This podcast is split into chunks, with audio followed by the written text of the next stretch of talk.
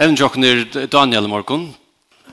I skriftene som vi også har sett til er Daniel i en främmande heime. Hva kan vi lære? Ein maver som har haft stor tutning for meg. Eh, han er Daniel vi öllen talen som han tar seg om nesten. Det var, det var Daniel Sydebøt. Han var sundagslærer i Ibneser. och han tog seg resten nekvet av den unge.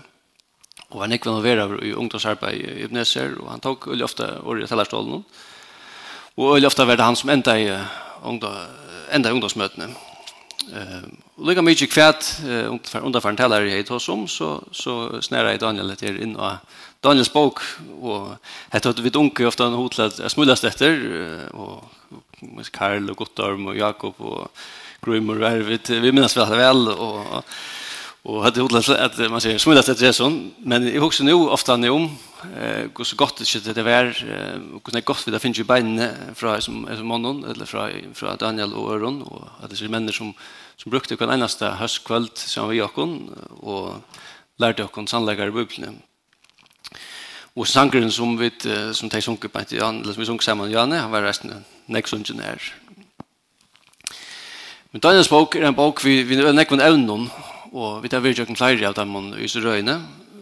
En er Guds ivervøld, Guds styr i Rødlund, og trofeste Daniels, og trofeste Guds måte Daniel, og allmåter Guds, og Guds vi lever i fremmanden heime.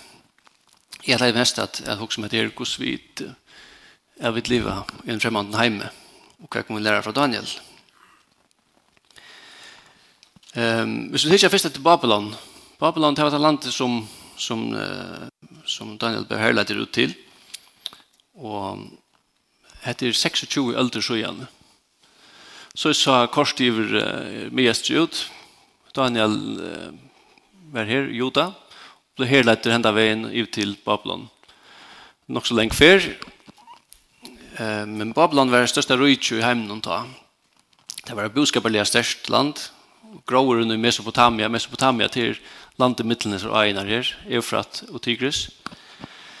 Det var frukt av land vi nekkar grøye, og en stor medframlæsla, det mest nek folk, og nek folk mest størst vald. Og det løtte landet om under seg. Babylon ble et størveldig under en som heter Napopolasser, som, var, som vann av Assyria. Assyria var et land som ligger her ved syne av.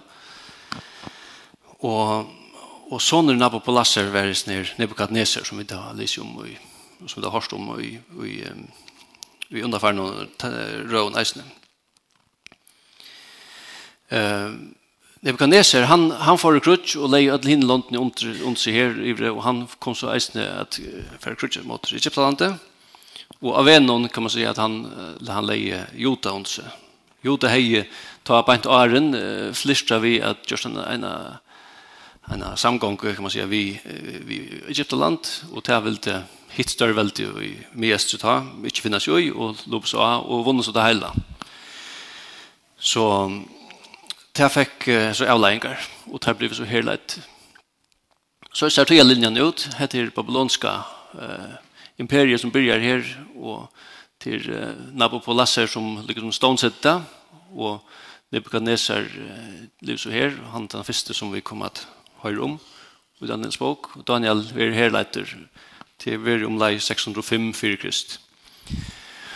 Vi ser ikke her at det er profeter eisene som er i utleggt og som, som skriver om dette. Tøyer er jeg til Jeremias og Ezekiel. Og vi ser ikke eisene at her er flere konger. Daniel kommer ivelig av flere konger. Bei Nebuchadnezzar, Belsasar, Kyros og Darius. Kommer han å oppleve. Og takk om det der inne. Allt det såg det säkert inte. Men jag också jag börjar vid att, att läsa Alutsinter ur Daniel kapitel 1. Ehm, så såg inte en gång ordentligt väl själv. Tre år i Joakim Juda konkurs hette styrre. Kom Nebukadnesar konkurs i Babel mot Jerusalem och kringsette. Og Herren gav Joakim Juda kanskje i hender hans herre. Og som leis nekka av ulløtnen i husegods. Og han flottet til Sinjars land til husgodsens han lät i ulatna standa i skattkammare godssyns. Ehm det som så vi läser mer om här till att att um, att han var här lätter att han han tar tar ta affärer i crutch mot London Babylonarna tar vi det affärer vi här hand fram och standardprocedyra det var att konkurrenten som det tidsen han var inte driven Men her at mot ble vel familjen som drypen. Syner, særlig, og, og familjen ble drypen. Kongren Kjolver, han fikk ene stunden ut, og ble herleiter til Babylon. Hetta var standardprocedyra ta tøyen. Her fikk han så løyve av livet, og han skulle så være tekjen til falskene rundt om, eh, hvordan mektig Babylons konger var. Og at han kunne ha ære konger gengande i blindar og hjelparsløser i sunnar borg, som tjänare. Babylon var annars ett ett sera mentaland, så att meta låg rättligt brutalt. Men vi skulle minnas till vi är 26 i ölt rätt ut och vid är heter rätt länge sedan. Men det samlades några främsta visande folk i hemmen och samlades i sin som vi som vi har framför framför och ner vi i Babylon. Ännu där eh, brukar vi skipande som blir mentar ta. Bär för matematik, stjøtnefrøy, medicin, filosofi och så vidare. Till dem så ett som är helt utöjligt till er, till er att ta brukt den här trustalsskipan. Och som vi i det ganska mer, mer häviga brukar den här trustalsskipan. Inte när de blir alla byttar i trus. Och det känner vi ett ännu det. Vi ser inte klokken till åkken. Det är trus sekund i en minutt, og til trus minutter i en tøyma, og fyra fyrna er seks tøymer i døgnen, og tølv fyrna er tredje der i åren, alt gonger på trus. Hette er hette stavar fra hest tøyerskainen her, for 26 øldens og gjerne, at det er babylonske visene, menn er kjipa av samfellet på denne måten her. Og eisen ser man at vi tar en, en, en sirkel, han er 330 grader, til 6 fyrna er trus, og så det här er nekk extra ting som vi enda det har livet gott av eller bruka brukar som som blev gjørt av. Filosofi var eisen i högt med i Babylon. Och det har vi sagt att nekra de griske filosofene som vi eisen har en ekv om att Grekland var ju ett et djupt mentaland som vi man jack nekv filosofi. Det är en nekva som råten i Babylon. Och tar, var det där til till Babylon att studera flere hundre år åren, og så, og så åren den griska mentan ordentlig tok det i gasen. Men en annan, en annan standardprocedur det er i uttaget land, det var at han tok ungfolk ur London det tok, som det lødde ondt seg.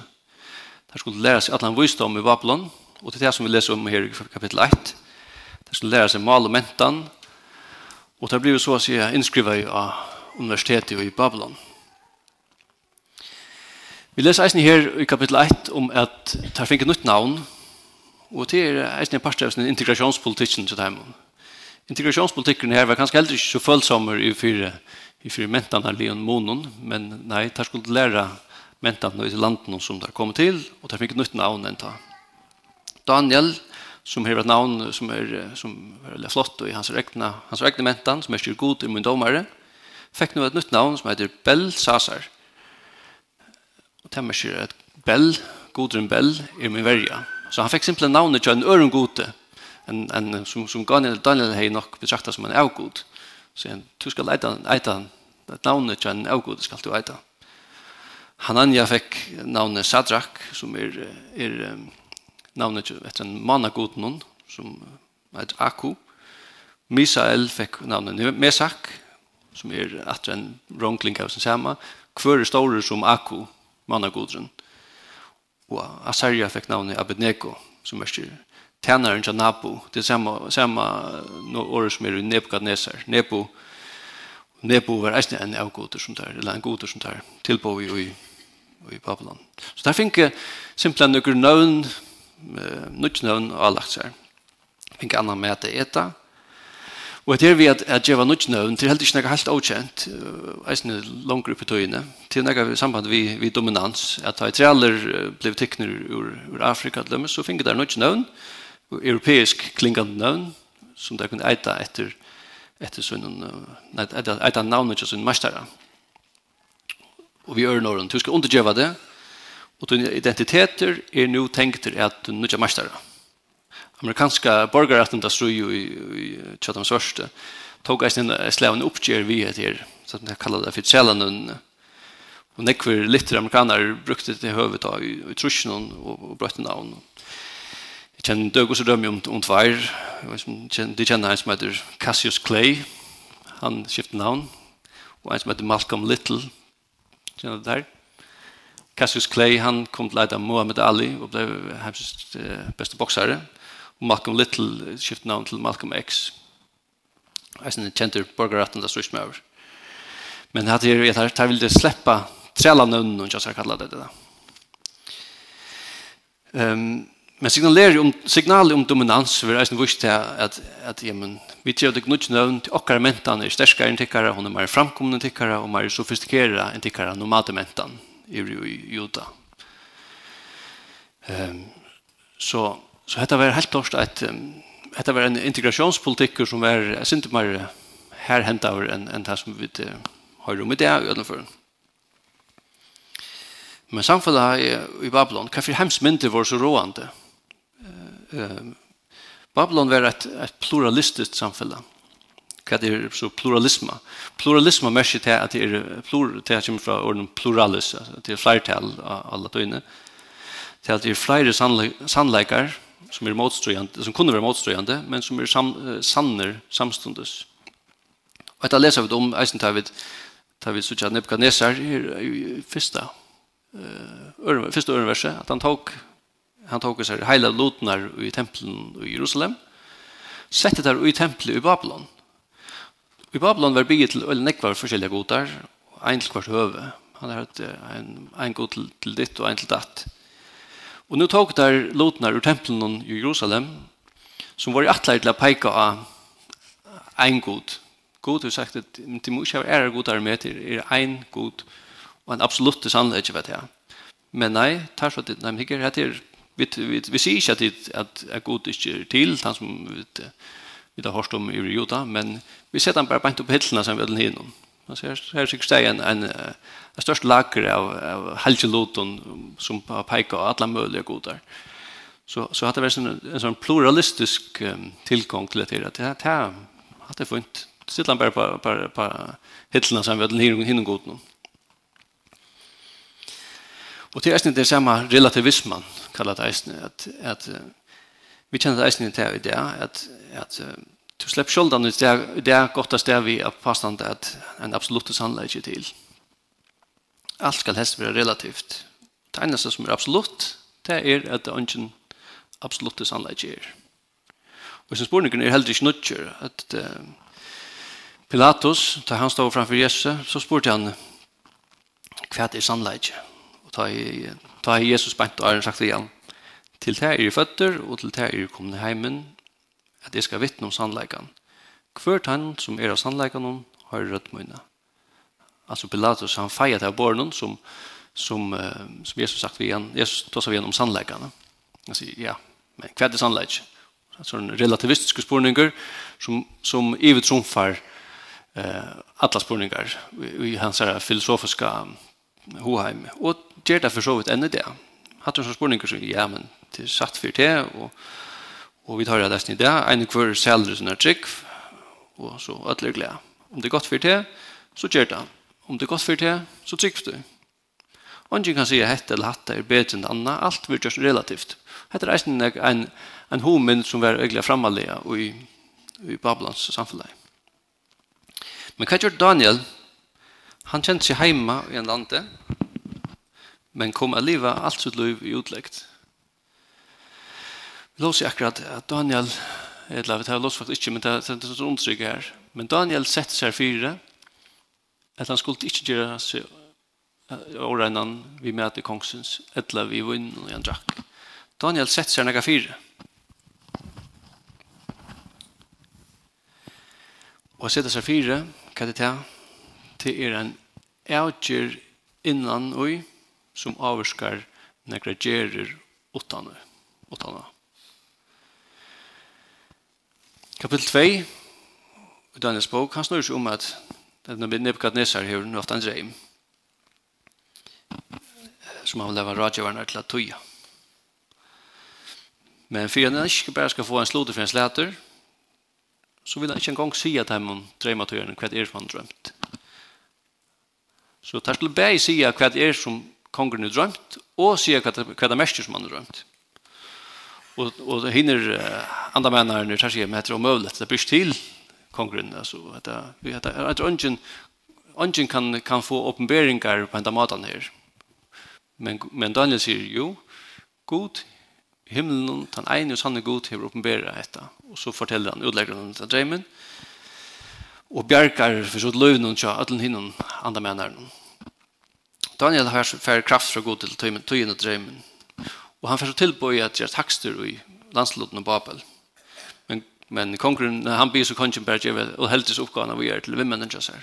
Sadrak, Mesak og Abednego. Sjolver var han det verande i, i hyr kongsens, til å si, i, i, i, kan man säga, altså innan kristnen og tja kongen som, som radje. Og kongren sier at ta at han har at, at, at Daniel hever tukt den drömmen så sier Nebuchadnezzar i vers 24 i, i, i kapitel 2 han satt er til at god tykkere er god godene og harri herrene og ein som åpenberer løndardomar så han tog vart føre for å åpenbere henda løndardomen altså omkring vekna tids som at Nebuchadnezzar han hever boom, han færre til han blir så klakker av at det blir til å få åpenberinger for at han er noe sanna god at han, han virkjenner dette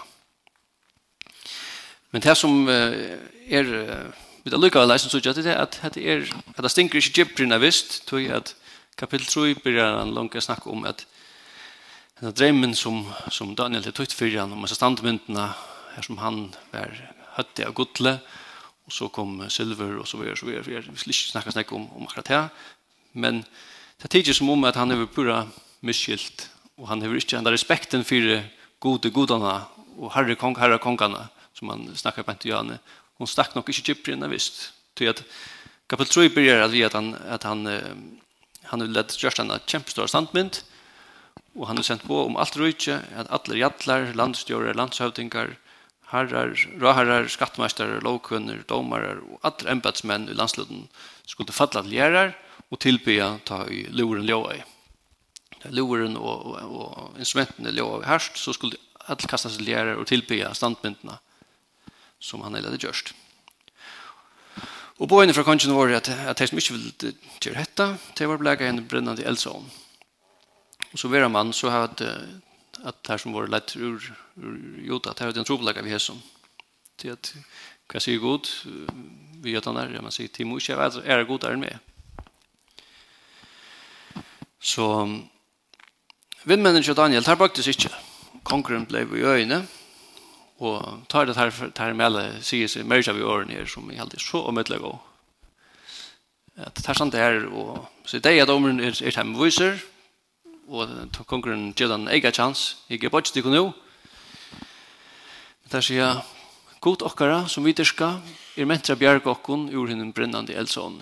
Og av hånd tøyne skal han frelsa kongren så legg, legg mest til at her har stadig respekt for henne. Her, her adresserer han respektfullt som Men som er, men om så er at han gjør det ikke, skal du vite kongren. at vi dyrker ikke gode hunnar og tilby ei heldur godmyndna og utgod at reise Uff, at det er mer i åra. At han er over... Um, at her er... Um, her standa, man sier, vi du vissa deg og vi hittar en anledning anledd og sier at vi bare ikke Om vi så hoppar til kapitel 5, så er det nu nødje konger i Babylon, nemlig Belsasar. Og han heldur enn det ene han står av versler for tusen størmånen. Og for å imponere hans gestner, da han byrjar blösa till fotler, så veler han at han skulle teka gull og silverullet ur tempelen, så det kunne drekke ur dem. Hese gull og silverullet som vi låser med Johanne som Nebuchadnezzar tog, papen, som var i atleia peika at han egnet og sanna god i himmelen.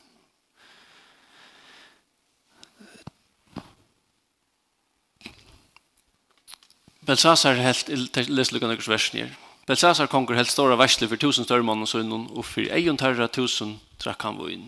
Ta Belsasar nu var ferdig å kjenne til av vinnen, sier han, at han skulle fære etter gull og silver i løtten, som den Nebuchadnezzar fære hans herre hei tidjur tempelen i Jerusalem. Så kongeren og størmen hans herre, koner og tjakoner hans herre kunne drekke ur dem. Tar for nu etter godløyleten og tidsen vår tempelen, ur huset gods i Jerusalem, og kongren og størmen hans herre, koner og tjakan hans herre drukker ur heimen. De drukker vun og prysa av goden, av silver, godlig silver, kåpar, jatne, tre og stein. Ta såst i som stund fingrar menneskehånd som skriver vi av koltje av vetsjonen i kongshøtlene, bænt ivri av ljósastekanen, og kongren sa håndene i skriva i. Ta skifte kongren lit, og hoksaner hans herre rattian. Han var liner i mjatna linen og knø hans herre skulva. Han sier at da hever han, han hever ena for enn, um, han tidser seg her, hans uiløtene som, som høyde symbolsvire uh, fra tempelen i Jerusalem, og vannvire det. Og hesa fer uh, vel til god, så jeg grep inn og, og skriva henne, og skriva vetsjen. Og det som stod av vetsjen, og det var så hette, og så, og at han var at, at her finnes jo fætter Daniel, og og be Daniel om at tøye okken disse skriftene. Så sier han såleis. Og så lever skriften, og her senter, mene, mene, tekel ufarsin. Og årene skulle tøye såleis. Mene, talt hever god, det er røygestunds, og gjørst enda at vi. Tekel, vi har resta vektene og funnet latter. Peres, mørker, skift i røygetøyt og givet metaren og persaren. Ta Beibel sa seg at Daniel skulle være leten i porspur, og godkjett han skulle være langt, langt om høyt hans herre halsansere, og at kun gjøre skuld til at han skulle være trihakster i rydgen. Så må nått være Belsasar kaldere kongerdrypen. Og man sier fra en, en søvlig skjønner meg, så er det faktisk nok så avhåverst, akkurat det siste verset her. Hvordan spør til at, at her, at her helt verslig, så tar det verslig, dette var, var en, en mana, det er feir av mana-goden her, at um, søvfrøyngar har skrivet om oss hentingen, at han nå, her renner en av i kjøkkenen i tjøkkenen Eufrat Eiren i bent tjøkken byen. Og utenfor byen har var steg, byen over kringsetter, akkurat da. Men Babyloner har vært så trykker, har følt seg så trykker innenfor murene her. At her, Babylon var jo, at det var kjempestore murer, det var ikke chanser inntekkende byen. Det har følt seg pura trykker sitt inne her og helt varsle. Men hur kan det vara att en boje blev en så stor rike blev blev vunnet av i en natt. Og det var så funderat att at, at, det stemmer eller vel vid, vid det bibliska frasøkene. Det är med til at den da inn her til den Kyrus konger stod utanför som är en stor herleier, og han er jo så han er jo blokkerer ånda her uppe og har lätt en byrking, lätt ånda runt om byen. Så knapplig vi løper av nattene, nu er, nu er en torr, og er bottner, og er bottnen bottnen ånden i torrer og tar kunne sende en, en liten hertel inn eller genko etter, etter bottnen og av ånden under muren inn og leta, leta muren opp for resten og tar kunne så les vinner som bor innom som en natt og, og det vil si at det var akkurat det som som spadomren tja vi skriften jeg vet ikke noe jeg sier Øyla avhåverst alt det er fra en, en søljon eh, sjånarby. Så det ser, ser kortet så ut. Nu tar jeg Kyrus i brivtidje. Hette var Babylon som det så ut, Aren. Og Kyrus, han var, hette var det medo-persiska rujtje, hette Persia og Media, som var saman, tar det vunnet, man sier måter. Og Aren hette vunnet måter her i Lydia, og, og kom så av vinna måter Babylon, og tog sig til landsetene. Så dette blev et, et enda større rujtje, det persiska rujtje. Nå, no, men Hvis vi nå får hitt etter, etter samfunnet følger, Daniel han bor i det mektigste røyken hjemme ta, for 60 år og søgjene. Vi bygger vi det og i det største røyken hjemme nå. Det røyken kallar vi det Vesterheimeren. Det største røyken i verden i det, og vi er alt knutt sammen omkursvekkene under om det største landet i, i Vesterheimeren i USA, og fyrir kallar man at fyrir vasallstater. Babylon hei nekra stater som var formelt ohefter, men det var sammanknytter og en union. Og det er, kan vi si, på samme måte at Vestrheimeren er det. Vi er knutt saman uh, vi USA og, og alle de store London er. Vestrheimeren det er et pluralistisk, ateistisk og humanistisk og relativistisk samfunn. Og nekvann hatt akkurat lukka som Babylon. Babylon förjar har vi alltid byggt den kristna mentan och vi ni har haft sån tutning mellan mann och förj. Ehm men vi har ju haft en längre period här som vi kan se att att stor pastor för falske vill det som vi kallar för mentanar kristen. Det var lotigt ju kristen högt och så vidare så vidare men men det tycker som om att Alltså tar jag tar Sigmundur kommer kristna i förjar det man kan ju om att att det är inte en en, en kristning på den måten eh, som vi det där betraktas som kristna att han tar nog inte vidare. Det var vi svör någon vet du. Så så självt om mentan och jocken över kristen så är det så det han han uppger vi mentan är kristna arven han börjar ta i matchen så helen ta i ta William Sloan kom förr och börjar kunna ett annat evangelium. Och så eisen kom kom hemma mission och och och där kom några några den kristna rörslan tror rörslan som byggde av en personlig trick och en av Kristus som ska en där komma åter hon börjar ta ta kom ett eller störst roj i mitten mitten frikyrkorna och och och folkkyrkorna och sån där tog och så var särskilt spår grund upp som som skilte vattnet då och eh måste ta blev ta blev stroj i mitten mittlen disse troerørsene og, og det kostet jeg nega kjenn jeg kom falkom etter strøy nega var det man onker limer ut av man frukirsten og finner ikke lov til å være lærer og hava andre allmenn størv og det vil kosta jeg standa visen av trygg er i min oppvoksen er tog her som det ikke vil koste størveis er kristen. Kan man nå ui akkurat hendinga ha oss bort til å være men onka velja en avgeng som vil kosta Og, og det som sier vi her som tid er at her frontene som har vært mittelen 20-balkene her før, da vi da jo Amor Abbar som er uh, vår ung, der var ikke da jeg var uh, ung. Um, Sett i årene, nå, med siden jeg var ung, til å si det er sørste fag i årene, halte jeg det viser som at målstøvene mot dem kristne i vaksen uh, sier reglene. Men det er fyrre vest strutst om um, læresetningar i Bibelen, det har vært strutt om, om, om dop og hvordan man skulle tolka avviskar og avsikningar i Bibelen, så er det helt anna, anna virussett som gjør skaldande i okra samfunnet. Um, Bibelen fer ikke tro virri i det og i, i det allmänna rummen. Eller hun har ikke virri. Så at argumentera, eller at oss om, om at, at, at, at, at okra lærersetningar, men ta sier øyla nekva falskje ånds. Om man løkningsmæver, eller en politiker, eller annar allmenne personer, teker Guds åre på tunga, men så vil jeg ta sterkt kritisera som vil enda djupt oseriøst og fanatisk. Trygg høyre ikke heima i de allmenne rommene, vi har sagt. Og til flere og flere som halda det. Og tar vi til ikke i fyrjun, så er mynden helt greit brøyt. Nå er det ikke bare, man sier, baptistene som er deres nedige, i förrjun, men alla kristna i är det det är snedige. Vi så ikke milen om kristna tryggven vi latelig gjort av eller nekva milen, utvarspe, sjånvarspe, internettet, Facebook, sosiale milen, og folkekirke prestar som sier seg være tryggvar mot hos året, vil eisne herlige kritiserer og råkner som fanatikere. I akademiska heimen vil eisne helt det være løyt verst, om du ikke bøtje det for hinnom, for ratsjonen og virkjenner ateisme som det intellektuelt rette. John Lennox, som var her i førjen, halte av sørste Arland det var, han visste at jeg hadde dette i en bok, så sier at, at han som unger visste dem over, han er, han er det professor i ja, um, Oxford, han er han som onkel visste mig så var han på över att til en, en Nobelprisvinnare, en hot, hot vurden professor, som han är på det högsta inom för akademiska hemmen.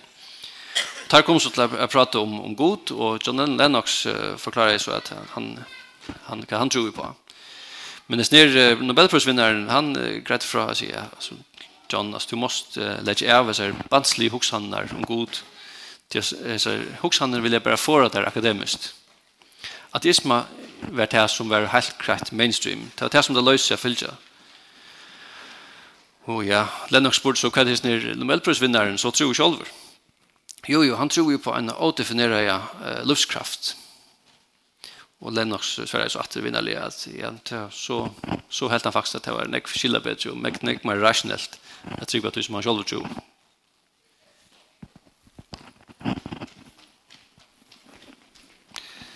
Så jag får lov att säga att att eller jag kan lycka den att att, att nyligen har väsen så vi vill några grenar i blån om hur snack folk väntar kristendomen och bättre och melda sig ur folkekyrkan i Danmark.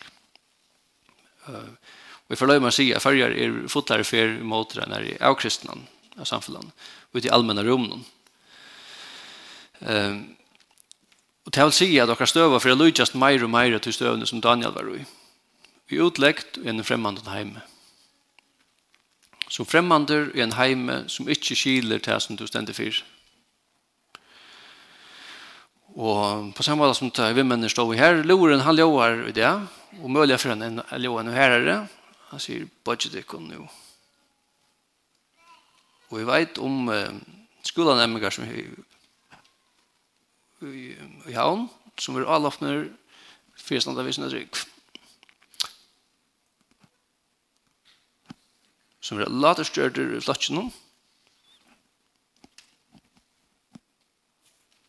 jeg lærer hun til det ikke vil jeg bare gjøre seg for rådende kjønner min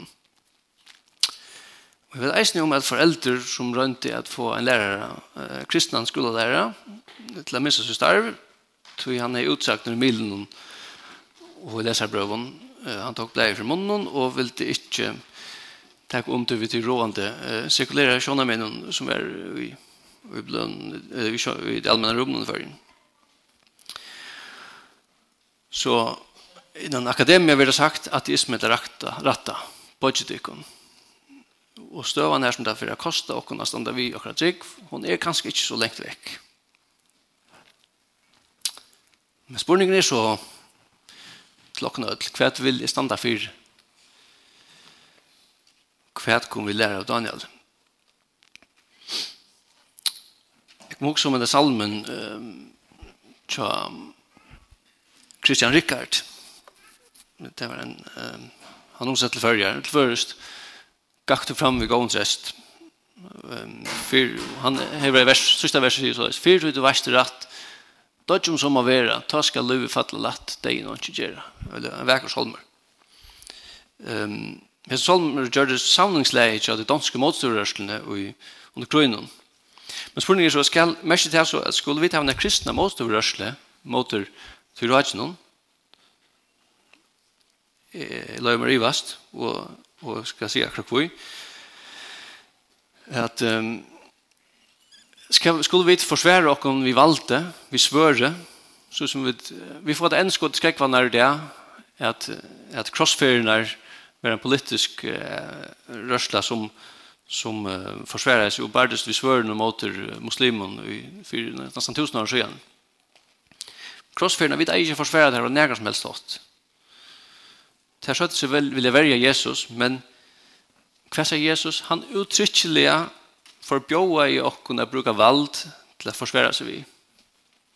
Og ta i Peter tok svøret opp til å verja, verja som frelsere, og høgt i øyre av hermannen, så, så var det ikke helt uttatt han ironi at, at har vi røyna verja Jesus vid noen så missar folk øyrene. De kunne ikke høyre det som sier, da vi gjør det øvete til oss, som okkar frelsere oppe av kunne gjøre.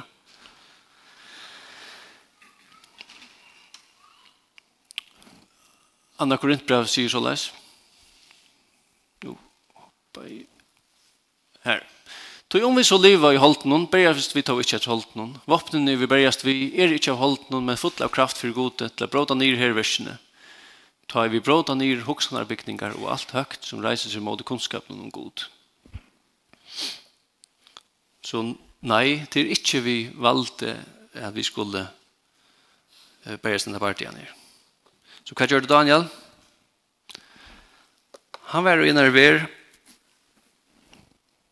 en luktande støve som vit, verslig sekulær, han sett seg fire, og han sett seg fire til å ta en kan avgjøre inn i hjertan om at hva vilja vi sanda fire, hva vilja vi gjøre, og hver gonger og hver grensa.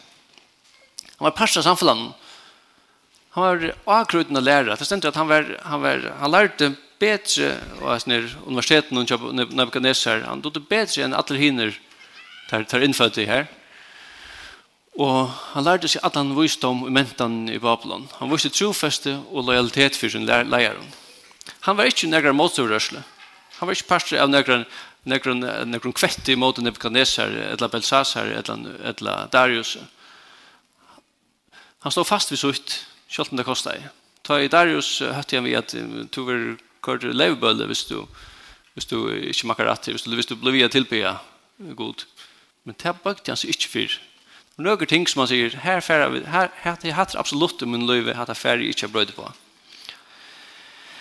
Men det tycker inte som han var särskilt konfrontatorisk, han var mer autentisk.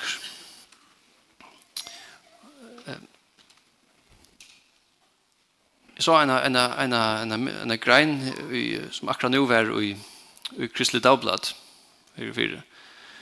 Det var en präster som som uh, skriver om akkurat det her, vi at sånn jeg folk melder seg ur folkekirkene, og er at det ikke bare nei og lenthet nå. Og han sier, takk han det være god tøyende at færre være døpt, og flere melder seg ut ur folkekirkene. Men dette gjør noen årsøk til å omhugse om det nå er en stor vannlokka, eller hvordan står den her.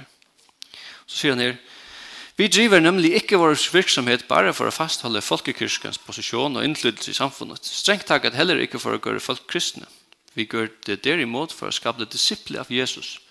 Det vil si mennesker til vil lære av ham, følges med ham og måtte fra ham. Det er besinnelse det skal til, nemlig på hva kirken er satt i verden for, og om vi selv, prester, funksjonerer, menighetsrådsmedlemmer, er disipler av Jesus. Det vil si om vi er villige til å lære av ham, line ham og måtte fra ham. Og så kommer det her, vi kan nemlig ikke invitere mennesker til en fest vi ikke selv deltaker i. Og mennesker forholder seg altså ikke bare til den kristendom de hører fra vår munn, men også til den de ser i vårt liv.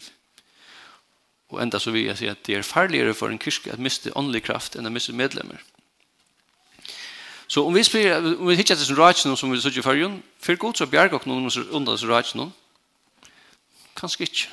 Så er jeg vil si som vindmenner til Daniel, om han så ikke fra bjerg og så får vi stadvig ikke på jokken.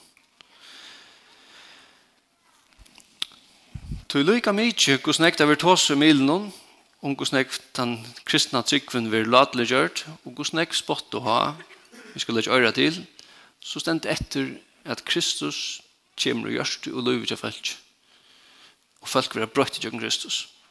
En av min indis salmon er Kristus av krossen og fettla det og um, lykka som um, Etter versen sier så les, Krosseren mein på i Mitchell er, fyrir hitt stolt av sin. Honom som sorg etter gode ber, balsam er krosseren. Det vil si, jeg vil hava her en kross, og her er tvær bølgar som hittir etter noen samme, det hittir etter samme ting noen, nøkker suttja en mein på fyrir sin stoltlega, og nøkker suttja balsam fyrir sin langsli etter god. Og mittlega vekkurs alltid, og at det lyser øyla vel til støvnet vi dyr i samfunnet, ja, Suttja krossen, vi vet han er her, men det er helt imist hva man får på sjuren. Og det siste verset sier, Heimeren heter hitt krossens tre, struer i harst imot, to finna salen er løvd og lea, nere vid krossens fot. Det er lykka mykje gus avgengren annars er, det stender ikkje til a vika, at folk vera brøyt i djøkken av krossen. Og det er det som, det er det som akkurat styrst gjør. Så vi tog jo ikke norsk rykka fettelig fått, Vi så ikke en rak som er reande, og som kjører mest av større avgjeng av okken som kristen. Heimeren kring okken skiler okken verre, og vi nøyest at det var bedre og bedre å greie fra akkurat trygg. Men det som bare den kommer ikke bæk på okken. Men tog bedre, vi vet hvordan bare den ender. Det stender ikke år. God enn av tronen er, sier Sundagslandsankren. Og han minnes bønnsyn i her. Om frestingar herja vil han med ta verja og være med av mine fer god enda tronen er, og han minnes bøtten sin er. Og hans år sender fast, om en alt han har brast. God enda tronen er. Takk for morgen.